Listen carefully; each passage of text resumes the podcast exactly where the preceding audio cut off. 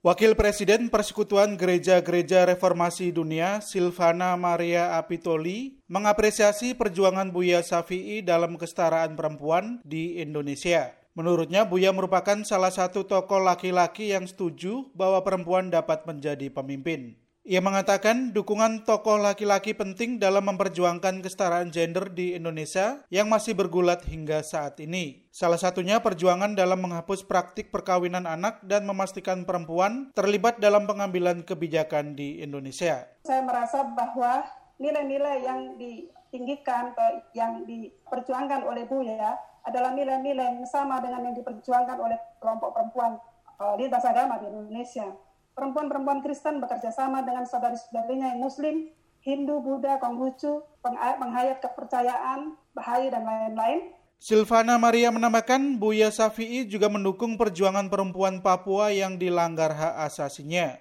Itu terlihat dari kesediaan Buya menuliskan dukungan dalam buku laporan pelanggaran HAM terhadap perempuan Papua pada 2014.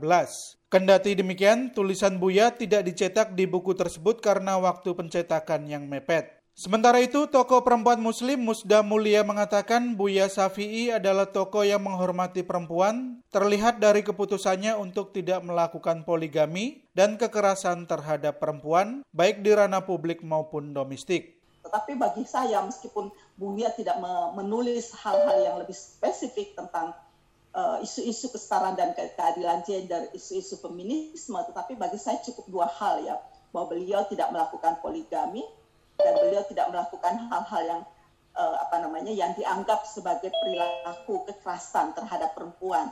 Musda Mulia menuturkan Buya juga merupakan sosok yang berani dalam mengungkapkan pendapat secara jernih, sosok yang menurutnya dibutuhkan bangsa.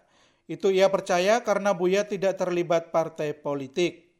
Ia menambahkan Buya juga seorang yang berempati pada orang-orang yang mengalami penindasan.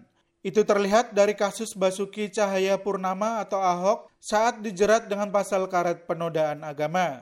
Buya kala itu berani berbeda pendapat dengan Majelis Ulama Indonesia atau MUI dan kalangan muslim lainnya dengan menyebut Ahok tidak menghina Al-Quran, khususnya surat Al-Maidah ayat 51. Dari Jakarta, Sasmito Madrim melaporkan untuk VOA Washington.